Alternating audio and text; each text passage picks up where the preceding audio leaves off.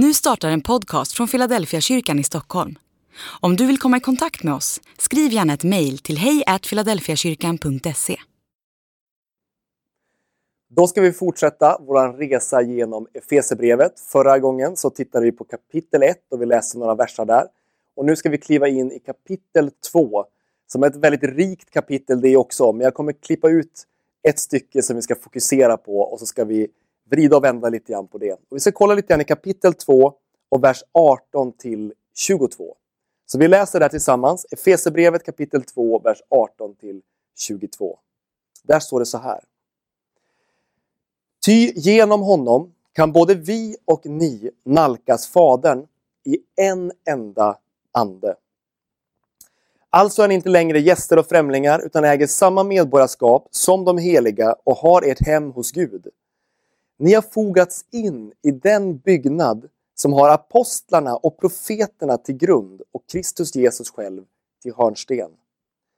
Genom honom hålls hela byggnaden ihop och växer upp till ett heligt tempel i Herren.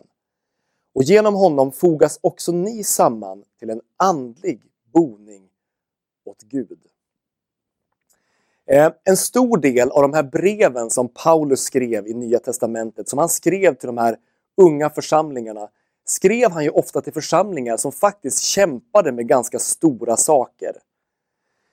De församlingar han skrev till var dels ofta ganska små gemenskaper. Man tror att en del av de här gemenskaperna kanske var ja, men max uppåt 100 personer. Många var mycket mindre och samlades i hem på olika platser. Och många av de här församlingarna som han skrev till, både till Efesos men också till andra platser som han skrev till som vi kan läsa om i Nya Testamentet, de levde ofta under svårt tryck från omgivningen. De var, hade tryck ifrån staten, ifrån eh, krav att tillbe kejsaren som herre till exempel, men de vägrade och de tillbad bara Jesus som herre. De levde ibland kanske från, i, i, i ett tryck ifrån omgivande vänner och släktingar som inte riktigt förstod varför de trodde på Jesus. De levde helt enkelt med påfrestningar ofta från olika håll. Och ibland var man till och med under rena hot. Och Många av de här församlingarna var också sammansättningar av folk ifrån vitt skilda bakgrunder. Dels hade man hedningar, alltså icke-judiska icke kristna som hade kommit till tro på Jesus. Men sen hade man också de judiskt messiastroende eh, personerna, de som hade kommit till tro på Jesus men hade en judisk bakgrund. Och De här två grupperna möttes liksom i de här unga församlingarna och så skapades en mängd frågor, en mängd eh, debatter ibland, en mängd konflikter emellanåt också. Och mitt i allt det här virrvarret så försöker liksom Paulus att vägleda de här unga församlingarna och hjälpa dem att förstå hur de ska leva utifrån evangeliet tillsammans. Så till alla de här olika människorna som levde under det här trycket och som hade de här olika bakgrunderna så säger Paulus här i Fesebrevet någonting helt fantastiskt. Han säger att nu har ni gemensamt ert hem hos Gud. Till de icke, icke-judar som hade kommit till tro på Jesus skrev han lite tidigare i Fesebrevet i kapitel 2 och vers 11 och framåt. Att kom därför ihåg att ni som av födseln var hedningar och kallades oomskurna av dem som kallas omskurna med den omskärelse som utförs på kroppen av människohand Kom ihåg att ni på den tiden var utan Kristus, utanför medborgarskapet i Israel, utan del i förbunden och deras löfte, utan hopp och utan Gud när ni levde i världen. Men nu, tack vare Kristus, Kristus Jesus, har ni som en gång var långt borta kommit nära genom Kristi blod. Alltså är ni inte längre gäster och främlingar utan äger samma medborgarskap som de heliga och har ert hem hos Gud. Så genom Jesus, genom vad han har gjort, i den helige Ande tillsammans med Guds utvalda folk, så har även vi, vi som kallas för hedningar i den meningen i Bibeln, fått vårt hem hos Gud tillsammans med de som fick löftena först. Och det här är inte bara vilket hem som helst.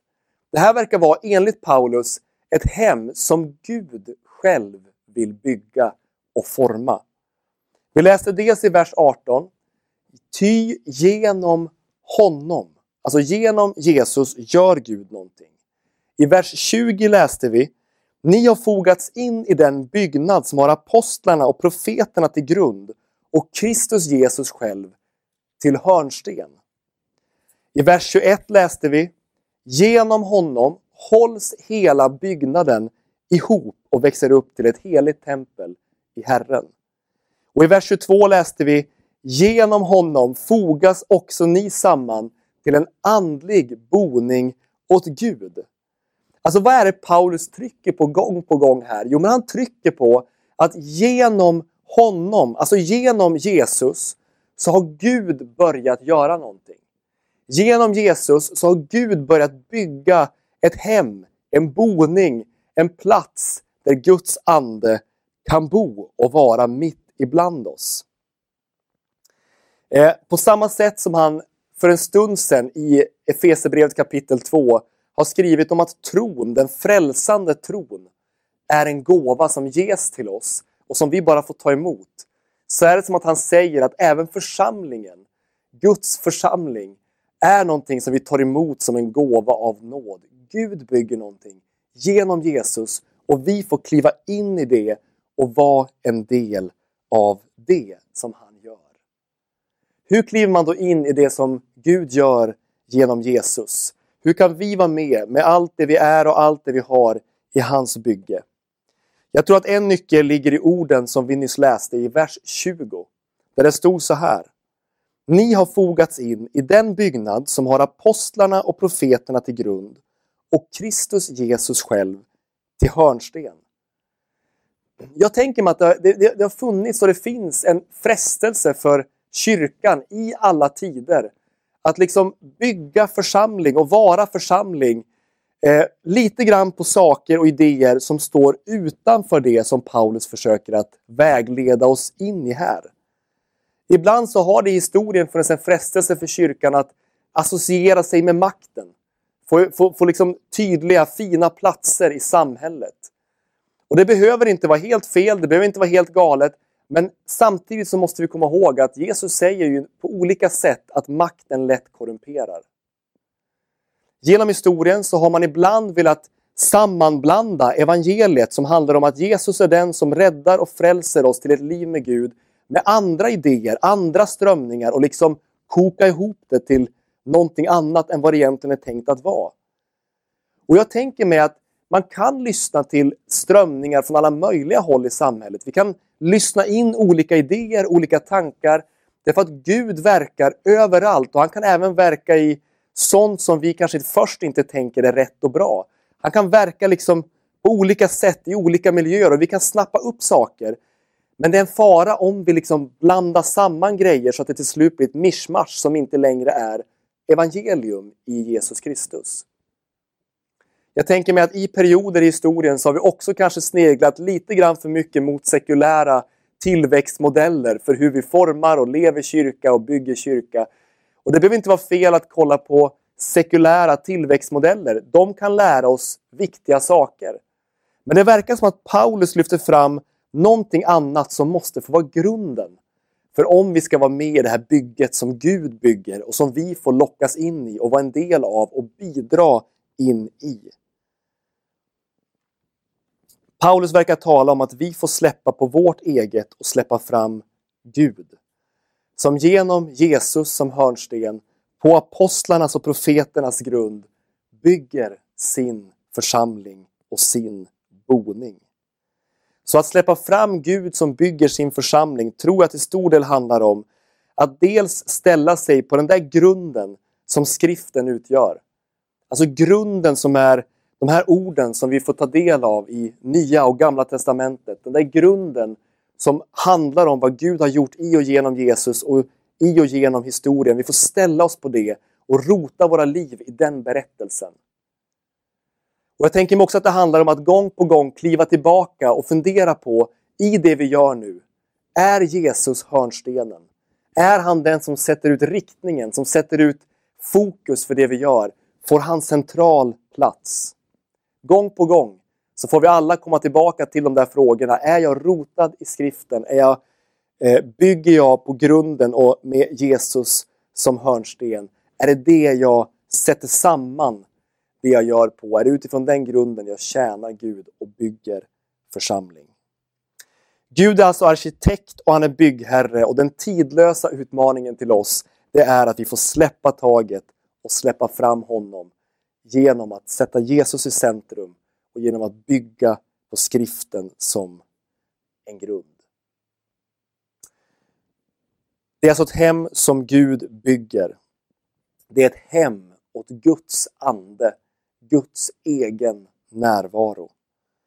Vers 21 och vers 22 igen. Genom honom hålls hela byggnaden ihop och växer upp till ett heligt tempel i Herren. Genom honom fogas också ni samman till en andlig boning åt Gud. Vi är en andlig boning åt Gud. Guds ande bor hos oss. Vad påminner det oss om? Två korta saker till slut innan ni ska få några samtalsfrågor av mig. För det första så påminner det oss om att Gud, han är närvarande hos oss konstant, hela tiden, var vi än är, vart vi än går fram. Om du är på jobbet, om du är på stranden, om du samlas i kyrkan, om du är ute på stan, vart du än är, vart vi än samlas, var vi än möts, Guds närvaro är hos oss genom sin egen heliga Ande som bor i oss. Och på ett särskilt sätt så verkar det ju vara så att där två eller tre är samlade i Jesu namn, där vi samlas med han i centrum på skriftens grund, där verkar han på ett särskilt sätt vilja uppenbara sin närvaro. Hjälpa oss, vägleda oss, bygga upp oss, visa oss vilken väg vi ska gå. Så för det första så handlar det om att han är närvarande överallt i våra privata liv, personliga liv, men på ett särskilt sätt när vi är tillsammans, verkar tillsammans, fungerar som Kristi kropp mitt i den här världen. Och för det andra så tänker jag om att det också säger oss någonting om att det faktiskt spelar roll vad vi gör med våra liv och med våra relationer. Tron är inte någonting som bara liksom flyter omkring här inne på insidan någonstans som en känsla eller som en tanke. Tron är fysisk. Det spelar roll hur vi lever våra liv, hur vi talar om människor, hur vi talar om varann, hur vi ser på varann, hur vi agerar, vad vi lever ut för någonting, vad vi ger plats i våra liv. Det spelar roll. Därför att Guds ande bor i oss. Vi får vara tempel åt hans ande. Det är ett hem som Gud själv vill bygga. Jag skulle till sist vilja få ge er två stycken samtalsfrågor som ni kan samtala om där hemma. Ni kan tala om dem i en mindre grupp, i en smågrupp eller bara tillsammans med familjen, släkten, vännerna eller vilka ni än är tillsammans med. Skulle något i ditt liv förändras nu idag om du skulle leva lite tydligare i tanken om att din kropp och ditt liv och din gemenskap med andra, med andra som tror, är en plats där Gud vill bo och vill bli synlig? Är det någonting som skulle förändras om du skulle tänka Wow, mitt liv eh, är ett hem åt Gud och vi tillsammans får vara en boplats åt hans närvaro. Gud välsigne dig.